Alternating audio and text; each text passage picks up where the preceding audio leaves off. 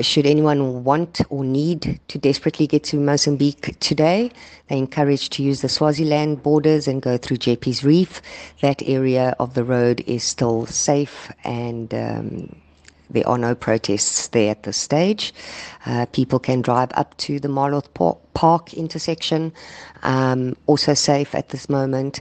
But uh, between Mananga and Lebombo border, um, we urge all road users to avoid that area completely uh, for the rest of the day.